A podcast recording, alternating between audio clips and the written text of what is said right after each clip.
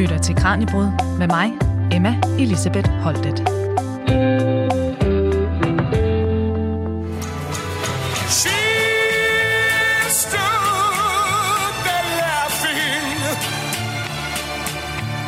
I felt the knife in my hand and she left no more. Det her, det er ikke bare en populær popsang. Det er en sang om et kvindedrab.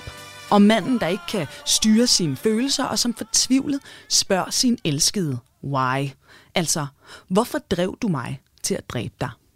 Og det her nummer, det vender vi tilbage til lige straks. For 536 kvinder er blevet dræbt i Danmark mellem 1992 og 2016. Langt de fleste er slået ihjel i deres eget hjem, og stort set altid af en mand i deres familie eller blandt deres nærmeste.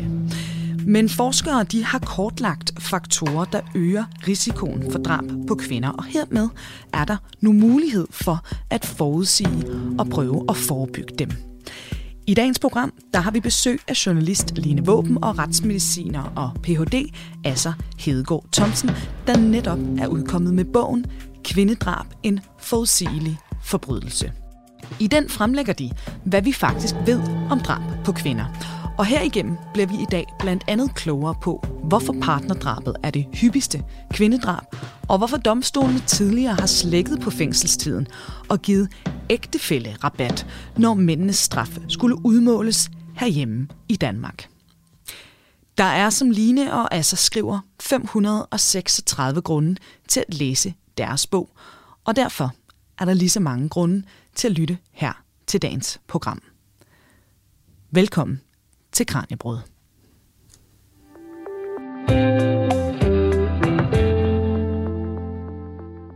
Line, nu hørte vi lige en bid af Tom Jones-hittet Delilah, og det her det er jo en af de sange og popkulturreferencer, der blandt andet sammen med kvindernes historier, statistikkerne og retshistorien gennemsyrer jeres bog.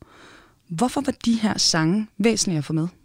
Jamen det er jo fordi, at vi øh, som øh, samfund og offentlighed har et syn på kvindedrab, øh, som blandt andet er formet af, af populærkulturen. Øh, og nogle af de, øh, hvad skal man sige, idéer, vi har om, hvorfor mænd slår kvinder ihjel, og hvordan de gør det, øh, de bliver blandt andet afbildet i, øh, i sange, som, som vi hører dem her. Øh, og, øh, og det er med til at, at bære nogle myter videre omkring, øh, omkring kvindedrab. Blandt andet det her med, at det pludselig slår klik fra en, for en mand, mm. hvis han er meget jaloux. Mm. Og det er jo ikke kun øh, et fokus altså på, på kvindernes død og på drabet, jeg har i bogen. Det er jo også rigtig meget deres liv og deres personligheder, som vi hører om. Hvorfor var det her også vigtigt for jer at få med? Jamen det er utroligt vigtigt, at vi øh, forstår, at det her handler om øh, levende mennesker. Øh, vi har rigtig meget viden og, og tal øh, i vores bog, og har talt med mange kloge mennesker om det. Mm. Men, øh, men det er vigtigt, at vi forstår, at der også er rigtig levet liv bag det her. Og for os var det vigtigt, at man kunne se offrene i øjnene, og i øvrigt få en fornemmelse af, hvad er det for nogle liv, de har levet, og hvad leder faktisk op til nogle af de her drab, og hvad kommer det til at få af betydning også for de pårørende. Mm. Og vi skal måske også sige til lytterne, I har haft dialog med de familier til de kvinder, der, altså hvis historier optræder i bogen, ikke? Vi har i meget høj grad samarbejdet med de pårørende mm. og gennemført lange interviews med familierne for overhovedet at kunne få de her historier frem. Ja. ja. Og altså, jeres bog, den hedder Kvindedrab, en forudsigelig forbrydelse. Hvorfor var det netop den her titel, I endte med? Jamen, øh, det er simpelthen fordi, at vi ved, at de her øh, drab, øh, de kommer jo hele tiden. Der har i den her 25-årige periode været øh, øh, 12 øh, partnerdrab om året øh, på kvinder, og det er jo en stor del af, af alle drabene her. Øh, og vi ved simpelthen, at der er nogle mønstre ved drabene. Der er mm. ting, der går igen. Øh, vi ved, at der kommer til at komme et drab lige om lidt, formentlig, øh, mm. på en kvinde, øh, og der er også masser af mænd, der bliver slået ihjel, men vi har så valgt at, at lige at fokusere på kvinderne i den her bog. Så det handler simpelthen om, at der er nogle, nogle mønstre og, og øh, nogle ting, der gør, at man, man burde kunne forudse en del af de her drab, og måske mm. gribe ind, inden det øh, blev til et drab. Mm. Og, og altså, du arbejder jo til daglig som retsmediciner, og du har også sideløbende med det skrevet Ph.D. på Aarhus Universitet, hvor, hvor du har undersøgt altså intet mindre end alle danske drab fra 1992 til, til 2016. Hvordan har du så taget det her arbejde og din forskning med ind i den her bog om kvindedrab? Jamen, øh, de tal, øh, der er kommet frem i den forskning, jeg har lavet sammen med øh, nogle øvrige retsmediciner, det er, det, det er sådan ligesom fundamentet, bogen starter på her. Mm. I hvert fald talfundamentet. Til ligesom at have en forståelse af, hvor mange drab er det egentlig, der er på kvinder. Og, og hvordan fordeler de sig? Hvor mange er inden for familien, og hvor mange er, er blandt nuværende eller tidligere partnere. Så det er sådan et, et godt, solidt talgrundlag at stå på. Mm. Og, og netop Assers PhD, skal jeg sige, i, i retsmedicin, den lavede vi faktisk et program om i august øh, her i Kranjebrud, så det finder man altså inde i podcastarkivet, og det hedder simpelthen drabsmetoder, hvis øh, der er nogen, der også vil, vil lytte til det. Og, øh, og Line, i forhold til dig, du har så din daglige gang som journalist og, og redaktør på, på Politikken, og du har jo igennem mange år beskæftiget dig med det her emne. Hvorfor er kvindedrab blevet noget, der fylder i, i dit arbejde?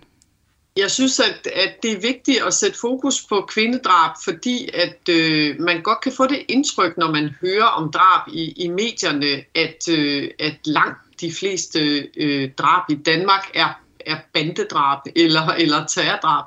Øh, men, men de her øh, kvindedrab fylder jo ikke bare en tredjedel. Rigtig, rigtig mange af dem øh, er begået inden for familien. Og det var en, en viden, jeg synes var meget vigtig at få frem, og, og som jeg selv blev meget overrasket over, da jeg begyndte at beskæftige mig med det her felt. Mm. Og så er det, som Assa også nævner, er der faktisk øh, en række faktorer og mønstre, som jeg mener er vigtige at kende, hvis vi muligvis skulle kunne forebygge nogle af de her drab. Så det var det, jeg, det, det der har fascineret mig, det mm. muligheden for at kunne sætte spot på, eller rette lygten hen mod et mørkt hjørne, ikke oplyst hjørne, og så samtidig måske endda kunne give noget viden videre, der kan være med til at forebygge. Ja, og hvordan fandt I to så hinanden, og, og hvordan blev det her samarbejde til? Jamen, øh, det er faktisk et godt spørgsmål. På et eller andet tidspunkt har Line opsnuset, at jeg fandtes. Ja. Jeg tror, jeg har været med i og hjulpet med, nogle, øh, med noget baggrundsinformation til en artikel øh, i, i en avis, og der har øh, Line så opsnuset, at der var måske en, en, hun kunne tale med.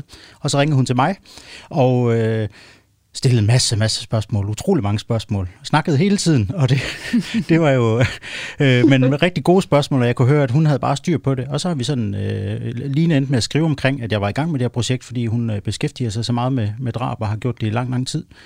Øh, så har vi sådan ligesom holdt kontakten ved lige og har hjulpet hinanden med at finde øh, forskellige kilder øh, omkring de her drab. Og nu er den her bog altså kommet ud af det samarbejde? Ja.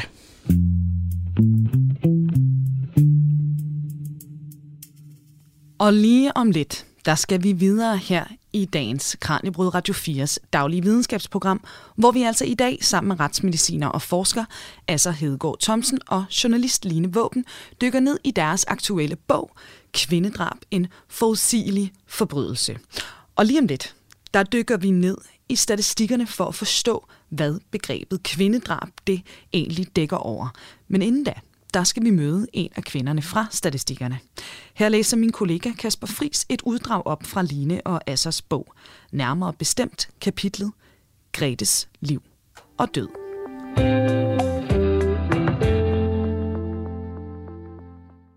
Grete Petersen blev født i 1961 og voksede op midt i Herning i Brandgårdsparken. Et almennyttigt boligbyggeri i to etager – hun var den yngste i en børneflok på fire. En mørklokket pige med store brune øjne.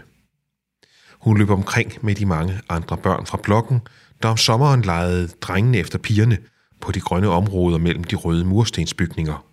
Om vinteren hældte viseverden vand på boldbanen, så de kunne skøjte. Grete var stille, lidt genert, men efter konfirmationsalderen begyndte hun at drikke øl med veninderne Ulla og Sonja, og med alkohol i blodet løsnede hun mere op. I begyndelsen mødtes pigerne med de lokale drenge og hang ud i boligbyggeriets kælder. Og da de blev lidt ældre, begyndte de at gå i byen i Herning, blandt andet på danse- og musikstedet La Cabana og værtshuse som Eldorado og Vin og Ølgod.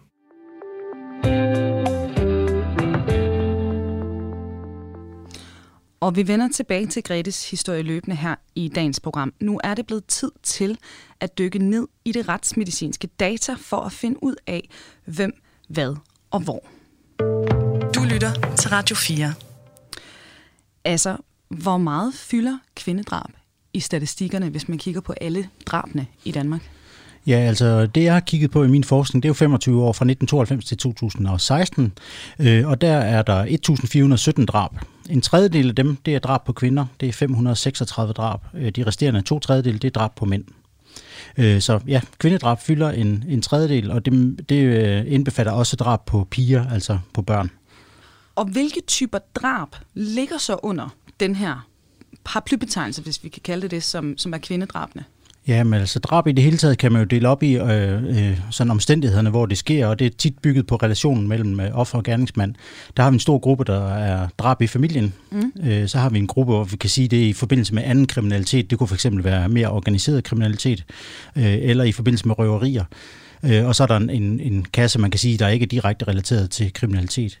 Og for kvinderne, der er langt den største øh, andel af drabene, det er inden for familien. Øh, det er sådan, at 3 ud af 4 af drab på kvinder og piger, det foregår inden for familien.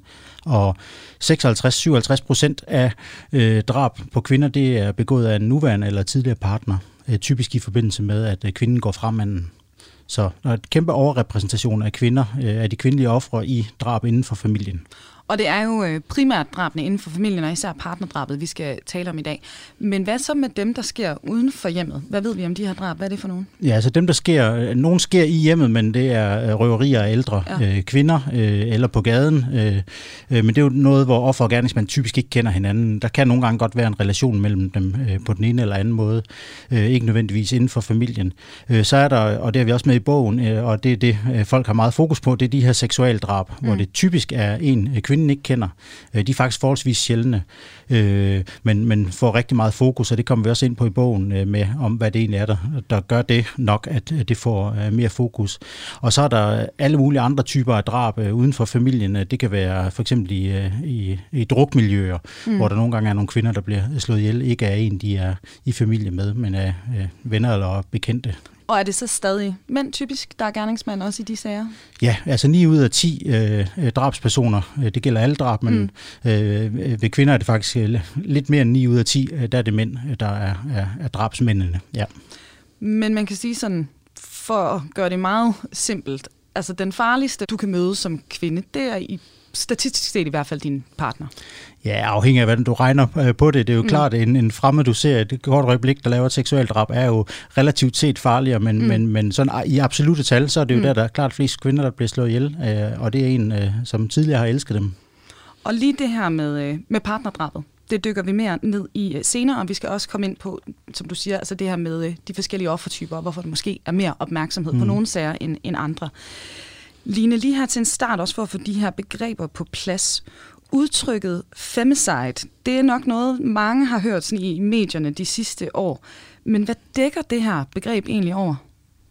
Ja, altså jeg vil ønske, at jeg kunne sige det rent og tydeligt. Øh, det er faktisk et begreb, som, øh, som der ikke rigtig er enighed om. Mm. Øh, det lyder jo ellers meget, meget sådan lokkende, ikke? Det er en blanding af noget med femi og homicide. Øh, hvorfor jeg lyder lidt skeptisk, er fordi, at det er ikke et særligt godt begreb øh, i sådan en forskningsmæssig sammenhæng. Det er et meget politiseret begreb, hvor man ligesom siger, at det er alle drab på kvinder, fordi de er kvinder. Mm. Øh, men hvad vil det så sige? Altså, det kan jo være ret svært at finde ud af, om en mand slår en kvinde ihjel, øh, fordi hun er kvinde, eller, øh, eller, eller hvad. Mm. Øh, så, så der er nogen, der tager alle seksualdrab med her, drab på prostituerede. Der er også nogen, der mener, at femicide, det er kun inden for familien osv. Så, videre. så derfor så foretrækker vi altså at sige drab på kvinder og ikke femicide, fordi det synes vi faktisk er en, en mere klar og ren betegnelse, og det er der ret mange forskere, der er enige med os i, mens hvis man bevæger sig lidt mere over i det sådan aktivistiske miljø, det sådan mm. feministiske og, og mere holdningspræget miljø, øh, så, man, så kan man rigtig godt lide den her betegnelse femicide. Mm. Øh, så det er mere noget, man kan bruge, hvis man vil skabe noget opmærksomhed på området. Det er måske ikke, når vi taler forskning og, og tal og, og de her statistikker, så, det er, så bliver det svært at operere Det er i hvert fald lidt politiseret begreb, ja. kan man ja. sige. Ikke? Ja. Og øh, lige om lidt, der skal vi se nærmere på det hyppigste kvindedrab i Danmark, nemlig partnerdrabet. Men øh, inden da, der synes jeg lige, vi skal høre endnu et brudstykke af Gretes historie, fordi Gretes sag den bliver afgørende i dansk retshistorie, netop i forhold til partnerdrabet. Men før vi ser nærmere på dommens betydning, så skal vi høre om optakten til Gretes død. For Grete Pedersen møder i 2004 Allan Hansen på værtshuset Don Quixote i Herning. Allan har ligesom Grete børn fra et tidligere forhold, og i begyndelsen virker han rar både over for Grete og Gretes børn, men sådan her bliver det altså ikke ved med at være.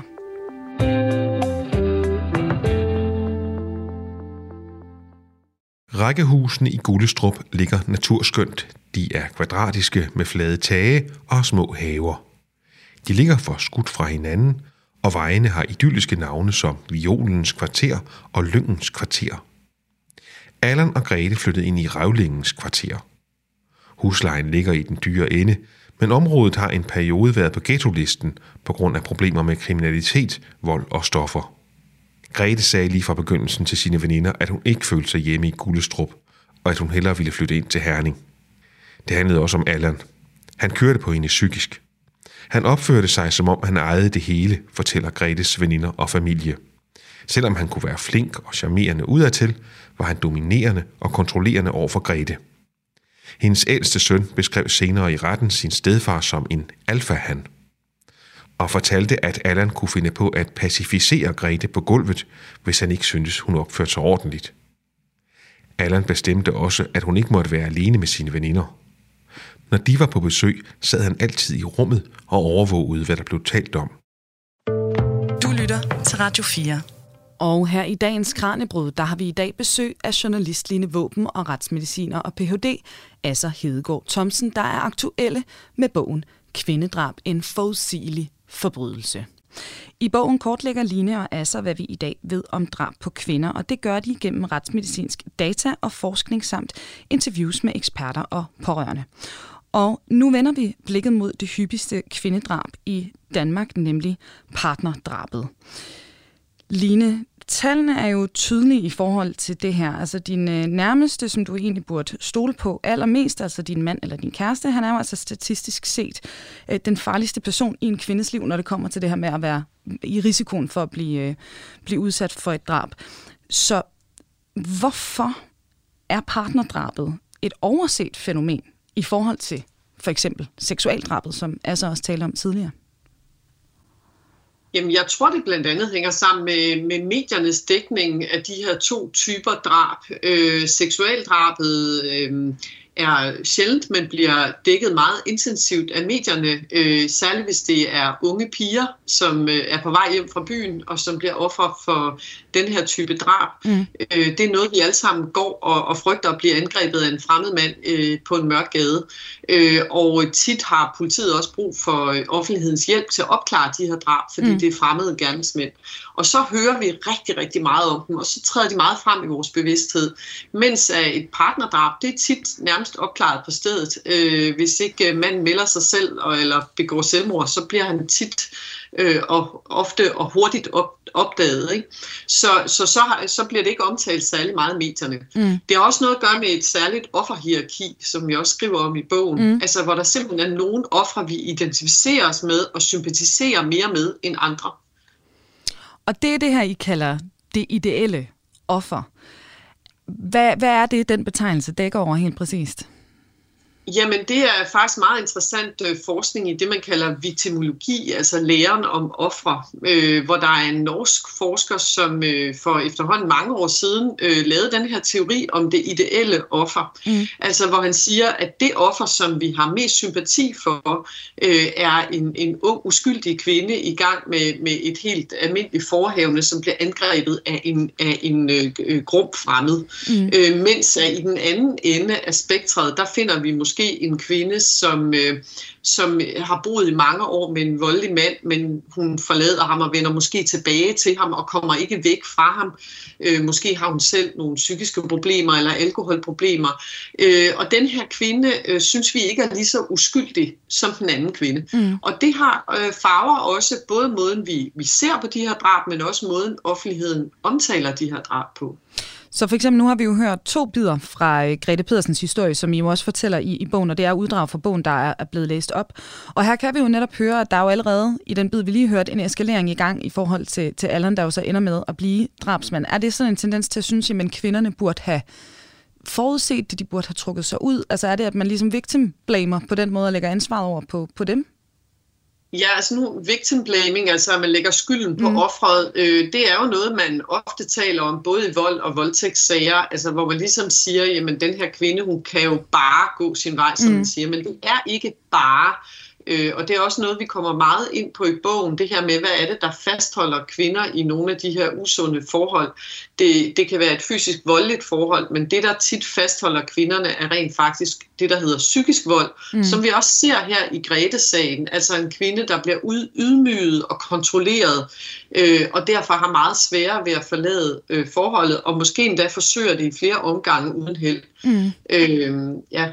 ja, og lytterne kan jo, de kan jo læse den fulde historie i bogen, men han bruger jo også, altså, som I beskriver, øh, hendes børn som øh, sådan afpresningsmiddel, at han vil gøre ting ved dem og tømmer hendes konto, altså også en økonomisk øh, kontrol jo i, i virkeligheden, der også umyndiggør hende jo til, til dels i hvert fald i forhold til hendes handlemuligheder.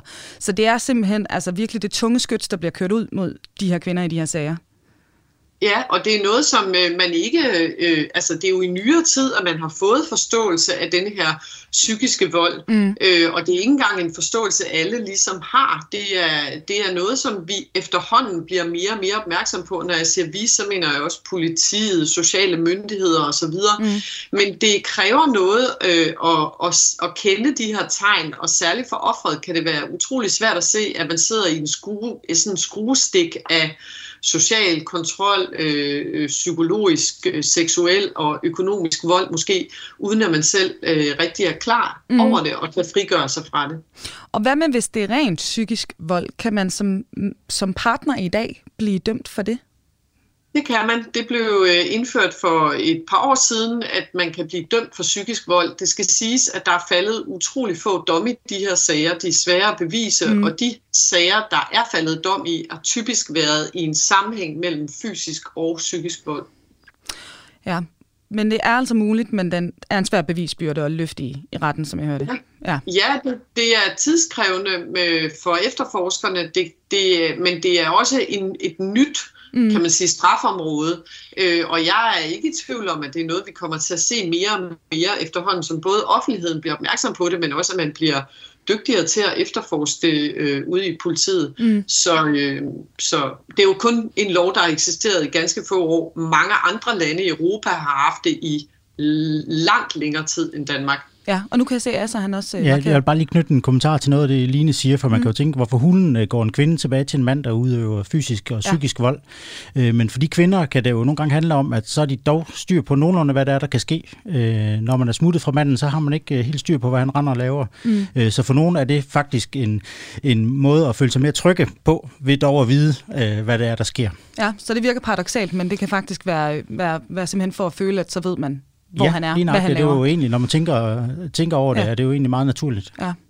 Og altså, nu har vi jo uh, talt lidt om det her med, at, at, at partnerdrabet det er det hyppigste uh, kvindedrab. Uh, der er så ikke så meget fokus på det, sådan, i for eksempel i forhold til uh, seksualdrabet, som vi hører mere om i medierne. Er der sådan generelt uoverensstemmelse mellem det, vi frygter, og hvad der så er størst risiko for at, at blive udsat for, når vi kigger på de her drabsstatistikker? Øh, ja, det er der jo, når man kigger i absolute tal. Øh, øh, man kan jo sammenligne det lidt med, at folk går frygter at tage flyveren, mm. selvom det relativt set er, er ret sjældent, at, at folk dør i flyulykker i forhold til at tage bilen eller tage cyklen. Det er jo lidt det samme, der er på spil her. så det er jo ikke, fordi det er, at det er irrationelt at være bange for manden i parken, der kan overfalde en. Mm. det er jo klart, der kan man, det, det, det er jo naturligt at frygte det. men, men når man kigger på det absolute tal, så er der jo et, et misforhold, og, og folk er måske ikke helt opmærksom på, at at, at, at tallene egentlig er sådan. Mm. Nej, I skriver jo også, at altså, når man spørger kvinder og mænd i forhold til tryghed, eksempel i byrummet, kvinderne er jo meget mere utrygge, altså rent statistisk set er det jo så oftere mænd, der bliver dræbt ude i byen, ikke? Ja, øh, og overfaldet og ja. kommer i slagsmål og alt sådan noget. Der er jo meget højere risiko øh, for mænd ude, mm. i, ude i det offentlige rum. Ja, bestemt. Ja. Du lytter til Kranjebrud med mig, Emma Elisabeth Holtet. Og Line, har jeg været øh, inde på det her kort i introduktionen. Lad os lige få afklaret det her begreb. Altså, vi har historisk set i Danmark givet en såkaldt ægtefællerabat, når de her partnerdrab, de har skulle straffes. Hvad vil det sige, og hvorfor har vi gjort det i Danmark? Jamen det er sådan, at der var en 16-årig periode frem til 2008, øh, hvor man i, i Danmark besluttede, og det var faktisk øh, højesteret, der satte gang i den øh, præcedens, at øh, hvis man slog sin partner eller ekspartner ihjel, så skulle man frem for de 12 år, man typisk får for drab, mm. kun have 10 år. Og den her rabat på to år, den blev begrundet i sin tid med, at man mente, at når man levede i et forhold med hinanden på godt og ondt, som, som Rigsadvokaten rent faktisk udtrykte det, mm. øh, så, øh, så, så kunne der ske nogle ting, der gjorde, at, at, at der var en øget tilskyndelse faktisk til at slå hinanden ihjel, eller, eller nærmest altså, kunne det bedre undskyldes eller forstås.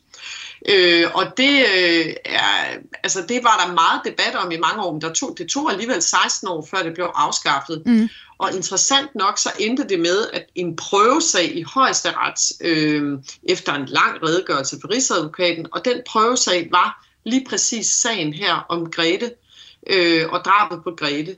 Det var nemlig sådan, at øh, i første omgang i retten, øh, der fik gerningsmanden øh, kun 11 år, og det vil sige 10 år plus et ekstra år, fordi han havde sat ild mm. øh, til det hus, øh, hvor Grete, øh, hvor han først havde skudt Grete med en boldpistol. Og det endte så med at blive forhøjet med, med to år i højeste ret, øh, og på den måde så fik man afskaffet den her rabat. Ja, og altså er det rigtigt forstået, at i udlandet, der har det faktisk nogle gange været en skærpende omstændighed, at det har været den, ja. du har stolet på, den, der har været tættest på dig, der, der har begået drabet? Ja. Og, og er det stadig, mm. og er det stadig, altså der er lande, hvor man straffer hårdere øh, for drab begået inden for familien, fordi man mener, at man der jo udviser en særlig tillid. Altså man lægger sig på øh, i sengen og, og, og lægger sig til at sove ved siden af et andet menneske, øh, og dermed er et, et drab inden for hjemmets fire vægge et, et særligt tillidsbrud, som man mener skal straffes hårdere. Mm. Og der er lige en sidste ting, inden øh, vi, øh, vi bevæger os videre i forhold til, til det her med, med statistikkerne og vores virkelighedsopfattelse, som jeg synes også er væsentligt lige at runde. Øhm, altså, der har jo også været meget fokus i perioder i medierne på indvandrerfamilier og partnerdrab og æresdrab her.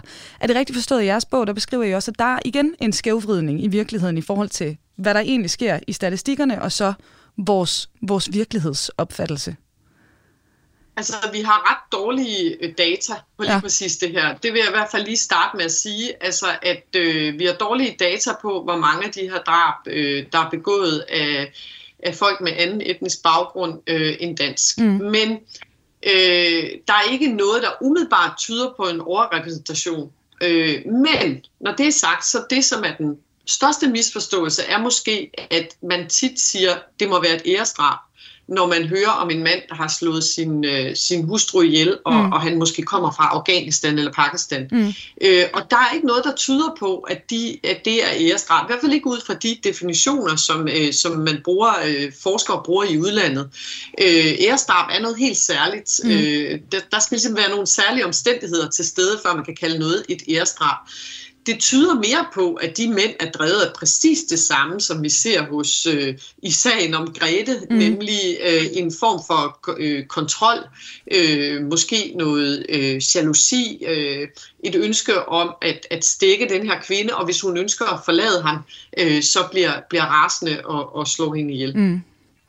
Og øh, Line, vi har hørt lidt bid undervejs, som sagt, fra, fra Gretes fortælling, og nu har vi været inde på, at øh, den her sag jo, den rent faktisk altså, skriver retshistorie i forhold til det her med, med ægtefællerabatten. Altså, øh, i forhold til jeres arbejde, altså den her afgørelse, er det også ligesom tegn på en, en ny epoke i forhold til synet på det her, eller hvorfor kommer den her ændring lige pludselig i, i måden, vi, vi uddeler de her straffe på? Jeg vil mere sige, at det er noget, der, der pendulerer frem og tilbage, når man ser igennem hele retshistorien, okay. så har der hele tiden været svingninger frem og tilbage, hvor man enten har sagt, at det er i orden og mm. forståeligt, mm. eller det her skal straffes særlig hårdt. Hvis man går helt tilbage til 1663, ja, nu bliver det sådan lidt historiebogsagtigt, men der, der, inden da, der måtte en mand gerne slå sin kone ihjel mm. straffrit, hvis han greb hende i utroskab. Og så svinger pendulet helt over den anden side, hvor det er noget, noget endnu værre, hvis man slår nogen ihjel inden for familien. Så bliver man ikke, får man ikke bare dødstraf, man kommer også på jul og stejle. Øh, og så svinger det tilbage, og så svinger det den anden vej. Så det er mere et pendul, der mm. svinger mm. frem og tilbage mellem de her to yderpositioner af, at man enten ser det som noget særligt forfærdeligt, eller at man måske har en forståelse for, at der kan være noget særligt på spil her. Og lige om lidt, der, øh, der skal vi i, i næste del af dagens program se nærmere på, hvad vi kan gøre for at forhindre drab på kvinder her i Danmark. Men inden da, der vender vi en sidste gang tilbage til Grete Pedersens historie, fordi mandag den 26. november 2007, det er altså sidste gang 46-årige Grete, hun ses i live. Og det er altså, som vi har hørt, hendes partner Allan Hansen, øh, der skyder hende med en boldpistol. Han slår også parrets hund ihjel, og mens Grete er såret af skuddet, men stadig i live, der sætter Allan altså ild til hundekogen i køkkenet, og Grete hun dør af røgforgiftning. Men Inden da, i tiden lige op til drabet, der har Grete faktisk forsøgt at komme væk. En dag, mens Sonja var på besøg, sad de sammen i køkkenet med fjernsynet tændt inde i stuen. Der var en historie i nyhederne om en mand på Sjælland, der havde slået sin kone ihjel og forsøgte at skyde skylden på hjemmerøvere. Det var midt i november 2007. Sonja husker tydeligt, at Allan sagde, det kunne jeg også finde på at gøre, og tilføjede, men så vil jeg ikke blive opdaget. 10 dage senere, torsdag den 24. november 2007, ringede Grete til Sonja og fortalte, at hun var på vej med toget til sin storesøster på Fyn. Hun var endelig stukket af fra Allan, mens han var på arbejde. Hun sagde, at han var tosset i hovedet, og fortalte også, at han havde tømt hendes bankkonto. Men nu skulle hun væk. Sønnen Sami ville hjælpe med indskud til en lejlighed. De næste par dage hyggede hun sig med sin søster. Storsøsteren var rystet over, hvor psykisk dårligt Grete havde det. Hun forsøgte at forkæle hende med god mad, og de gik flere ture og snakkede sammen. Men Grete var urolig. Allan ringede og sms'ede hele tiden til hende. Hendes søster kunne mærke, at Grete var panisk angst for, hvad Allan kunne finde på at gøre ved hende eller Kasper. Grete fortalte hende også, at Allan havde et gevær. Lørdag eftermiddag tog hun tilbage til Herning. Det var hun nødt til, forklarede hun Sonja i telefonen. For Allan havde truet med at slå Kasper ihjel, hvis hun ikke kom hjem og da hun ankom til Herning, stod han på perronen og tog imod hende. Familien og veninderne blev skuffede, da de hørte, at Grete var taget tilbage til Allan. Derefter blev de bekymrede. I dag tænker de, at Grete ikke havde noget valg. Du lytter til Radio 4 og til nye lyttere. Her i dagens Kranjebrud Radio 4's daglige videnskabsprogram, der har vi i dag besøg her i studiet af retsmediciner og Ph.D. altså Hedegaard Thomsen, og med på en online-forbindelse, der har vi journalist Line Våben, og øh, de har netop udgivet bogen Kvindedrab, en forudselig forbrydelse, som øh, vi altså lige hørt en bid fra her. Og øh, Line, Grete Pedersen, hun flygter jo i, i den sidste del af, af uddraget for bogen her. Der flygter hun jo fra sin partner, Allan. Så det her det er jo altså tegn på selvfølgelig, at øh, hun godt er klar over, at der er noget galt, at hun ikke er tryg i, i det her forhold. Men generelt set, altså er det sådan, at man for det meste kan forudsige netop, altså hvilke mænd, der bliver voldelige eller ultimativt dræber deres partner? Altså, vi vil jo ikke påstå, at man kan forudse alle drab mm. øh, i Danmark, eller alle partnerdrab. Men det er ret tydeligt fra forskningen, øh, både fra Danmark og udlandet, at der er en række faresignaler, der meget ofte går forud, øh, og man har i flere andre lande kortlagt det og, øh, og forsøger at, at uddanne folk i at kende de her faresignaler bedre med henblik på at forebygge mm. de her drab. Og det er blandt andet, som vi har nævnt, øh, psykisk vold og fysisk vold. Det kan også være adgang til våben. Det kan også være, at der har været fremsat trusler om drab eller trusler om at tage sit eget liv, eller for eksempel som her slå, slå et barn ihjel, hvis der ikke bliver gjort, som mm. man siger. Øhm, og øh, vi ved også, at, at bestemte former for fysisk vold øh, kan være et særligt faresignal, for eksempel kvælningsvold. Så der er en række ting, øh, der går øh, forud, øh, og, øh, og det er jo tegn, der er gode at kende til. Og altså det her med, at, at kvælningsvold for eksempel er et af de store sådan, faresignaler, er det også, hænger det sammen med, at kvælning også er en hyppig metode, der så bliver brugt? Øh, ja, når kvinder bliver slået ihjel i partnerdrab, så er det hyppigst ved kvælning, ja. og derefter så kommer der skarp vold, stik med kniv øh, for eksempel, men, men der er også stumbold og skud, så kvinder bliver slået ihjel øh, på mange forskellige måder øh, i partnerdrabene. Men øh, det med kvælningsvold, det er jo, fordi det er noget alvorligt noget at gøre. Det er mm. noget andet end øh, almindelig vold, eller hvad man skal sige. Altså, der er vi over i noget, øh, folk godt ved er farligt, og, mm. og jo også sådan en ultimativ måde at, at kontrollere et andet menneske på. Mm. Så, så jeg tænker, det er derfor, det er sådan en, et, et virkelig rødt flag, når det har været der.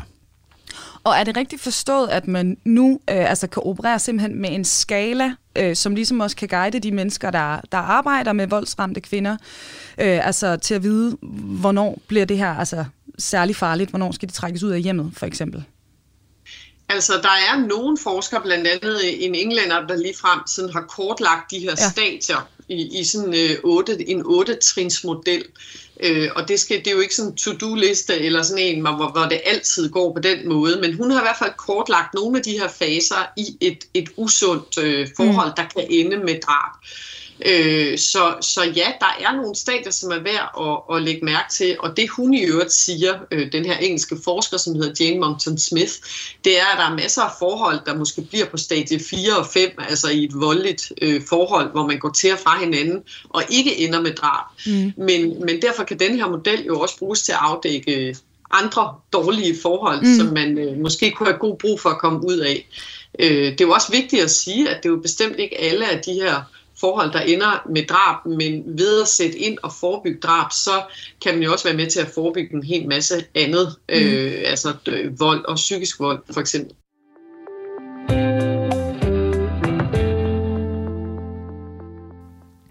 Og, og, og hvad med mændene, der begår de her drab? Altså kommer der også øh, ofte et råb om hjælp fra dem forud for, for drabet, eller, eller hvordan er det i den her sammenhæng?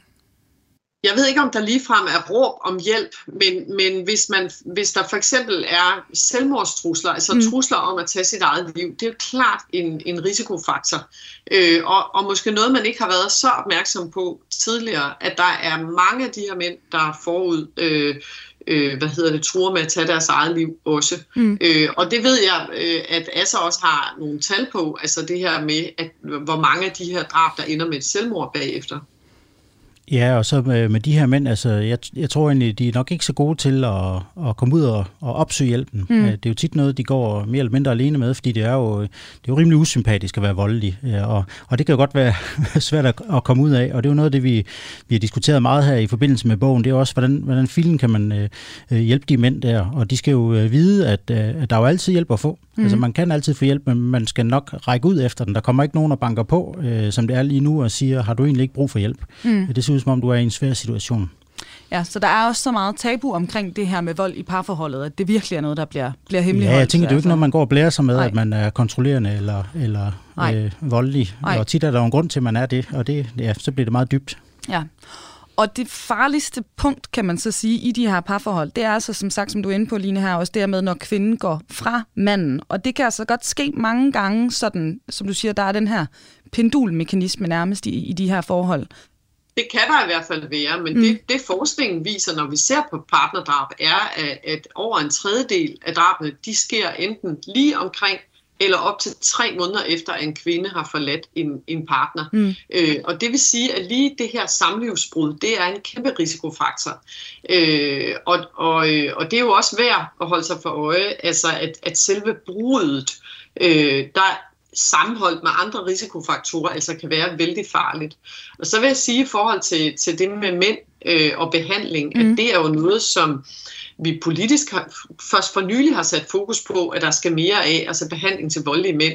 Og der er jo andre lande, der er langt, langt foran os, altså bruger måske 10-15 gange så mange midler på det, for eksempel Norge. Mm. Så, øh, så det er helt klart en vej, man burde gå, fordi lige nu vil vi jo gerne hjælpe kvinderne og give dem mulighed for at komme på krisecenter, øh, men ofte bliver der ikke gjort så meget for, hvad skal man sige, at, at hjælpe gerningspersonen. Mm. Øh, og det er jo helt klart en vej at gå, vil jeg mene. Ja, og i forhold til det her med, at skilsmissen, eller brudet i hvert fald i forholdet, den er øh, særlig sådan udløsende.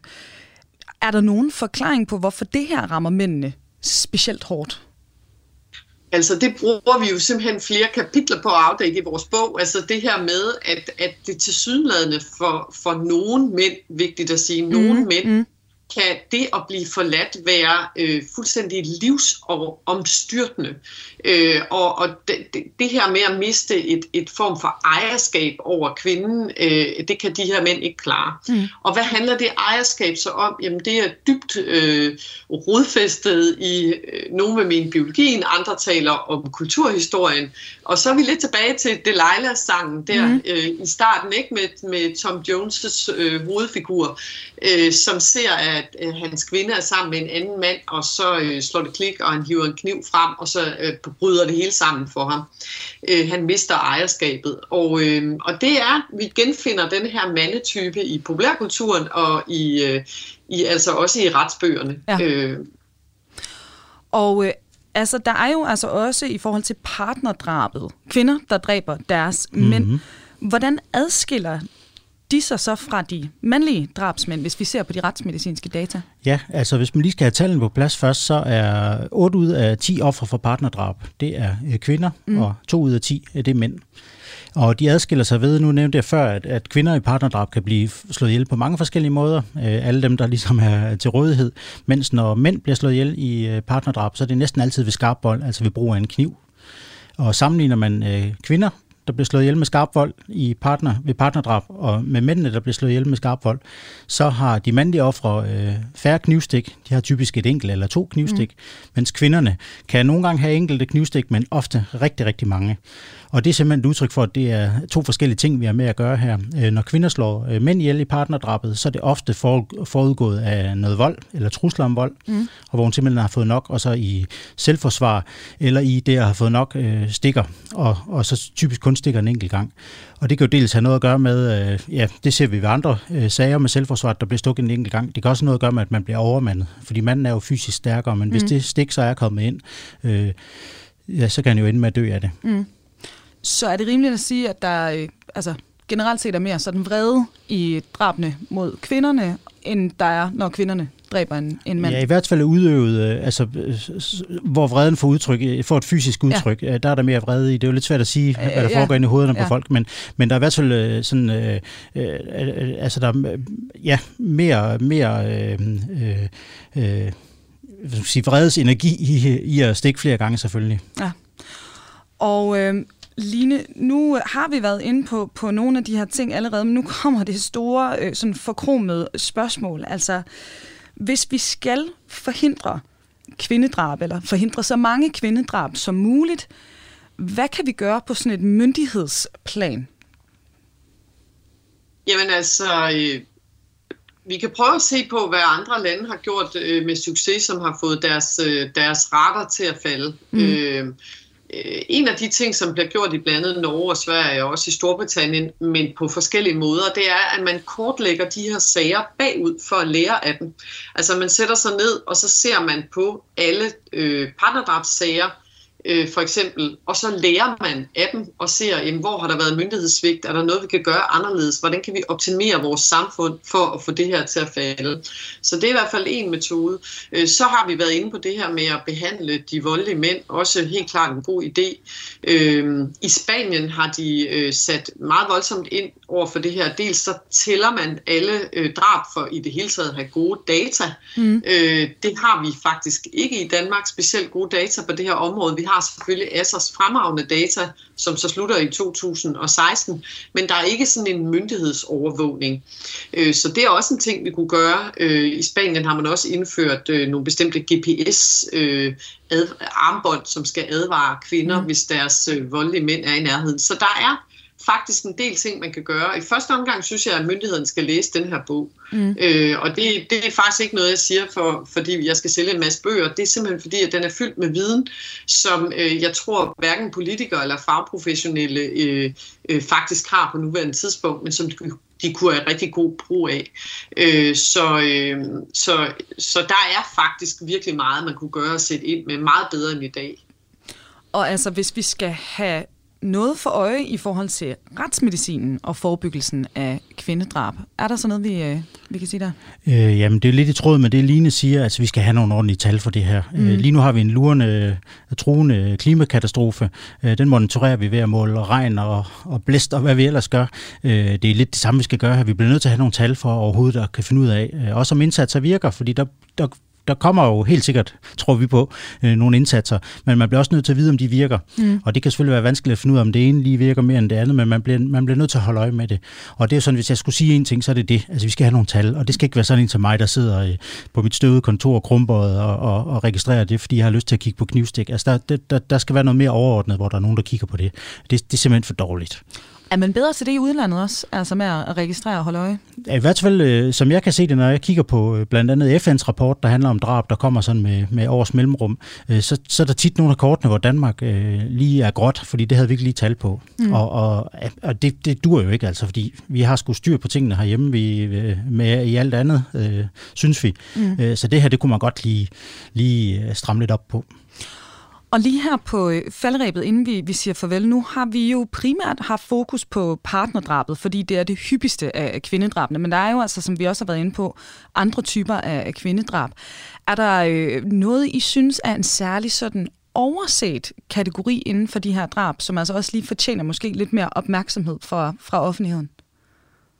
Jamen altså, vi ser jo også på, på drab begået af blandt andet psykisk syge, og det har vi ikke engang nævnt, men, men det er jo også noget, man kunne sætte ind, altså ved at forbedre vores øh, behandling af psykisk syge, øh, så er meget vundet, fordi der er mange gerningsmænd i de her ikke sagt overhovedet, at alle psykisk syge begår drab på nogen som helst måde, mm. men vi ser det som en risikofaktor her. Mm i drab på kvinder. Og så er der de ældre kvinder, mm øh, som vi jo blev lidt overrasket over, faktisk fylder en del i, i denne her kategori. Altså det synes jeg er værd øh, også at holde øje med, øh, fordi der bliver flere og flere ældre. Øh, så så det, er, det synes jeg også er et, øh, måske er et overset område. Og altså, de ældre kvinder, hvad er det, der, der typisk sker med dem? Jamen, ældre kvinder bliver, bliver slået ihjel i, i, ved forskellige omstændigheder. Altså, der er en del partnerdrab, hvor det er ældre kvinder. En, øh, når man kommer op i alderen, så er der en, en relativt stor andel af dem, der er det, vi kunne kalde medlidenhedsdrab, øh, hvor det er, at kvinden er syg, eller manden er syg. Øh, tit øh, er det jo øh, øh, fuldt af et selvmord af gerningspersoner, og så kan det være lidt svært at vide, hvor meget medlidenhed der, medlidenhed der egentlig var i det, mm. øh, når man står og kigger på det. Men det er i hvert fald en gruppe, men også bare regelrette partnerdrab, øh, hvor det ikke er noget medlidenhed, men hvor det er noget øh, jalousi og separation. Øh, så er der de her røverier. Øh, I starten af den periode, jeg kiggede på, var der en del af dem, hvor det var på gader og stræder. Øh, når man havde været nede og hentet øh, penge i banken, så kunne det være, at man blev øh, rullet mm. af nogle unge mennesker, der så slog en. Øh, og det tæller med drab, øh, selvom de måske ikke har haft til hensigt at ville slå ihjel, men de har haft til hensigt at ville skade. Og så er der endelig seksualdrabene.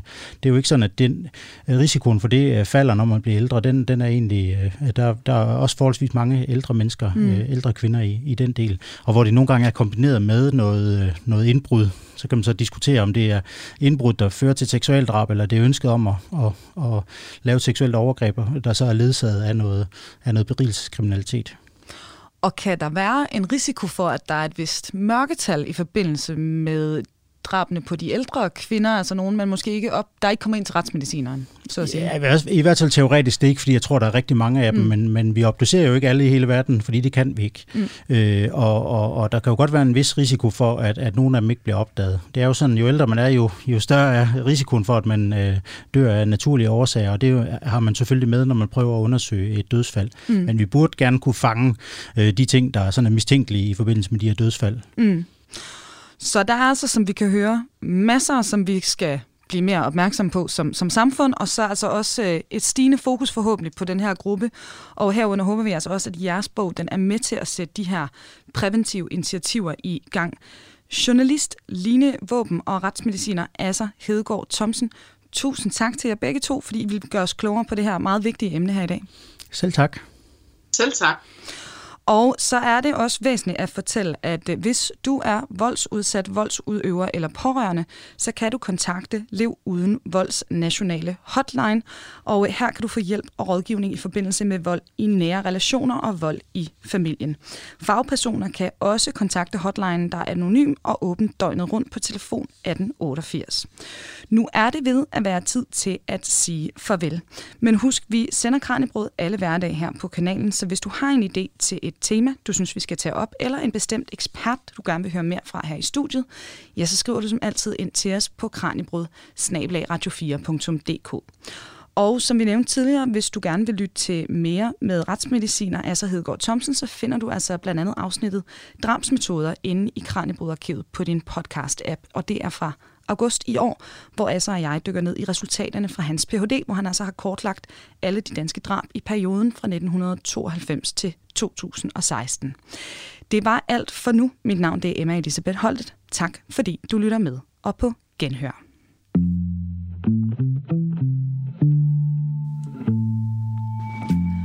Programmet er produceret af Videnslyd for Radio 4.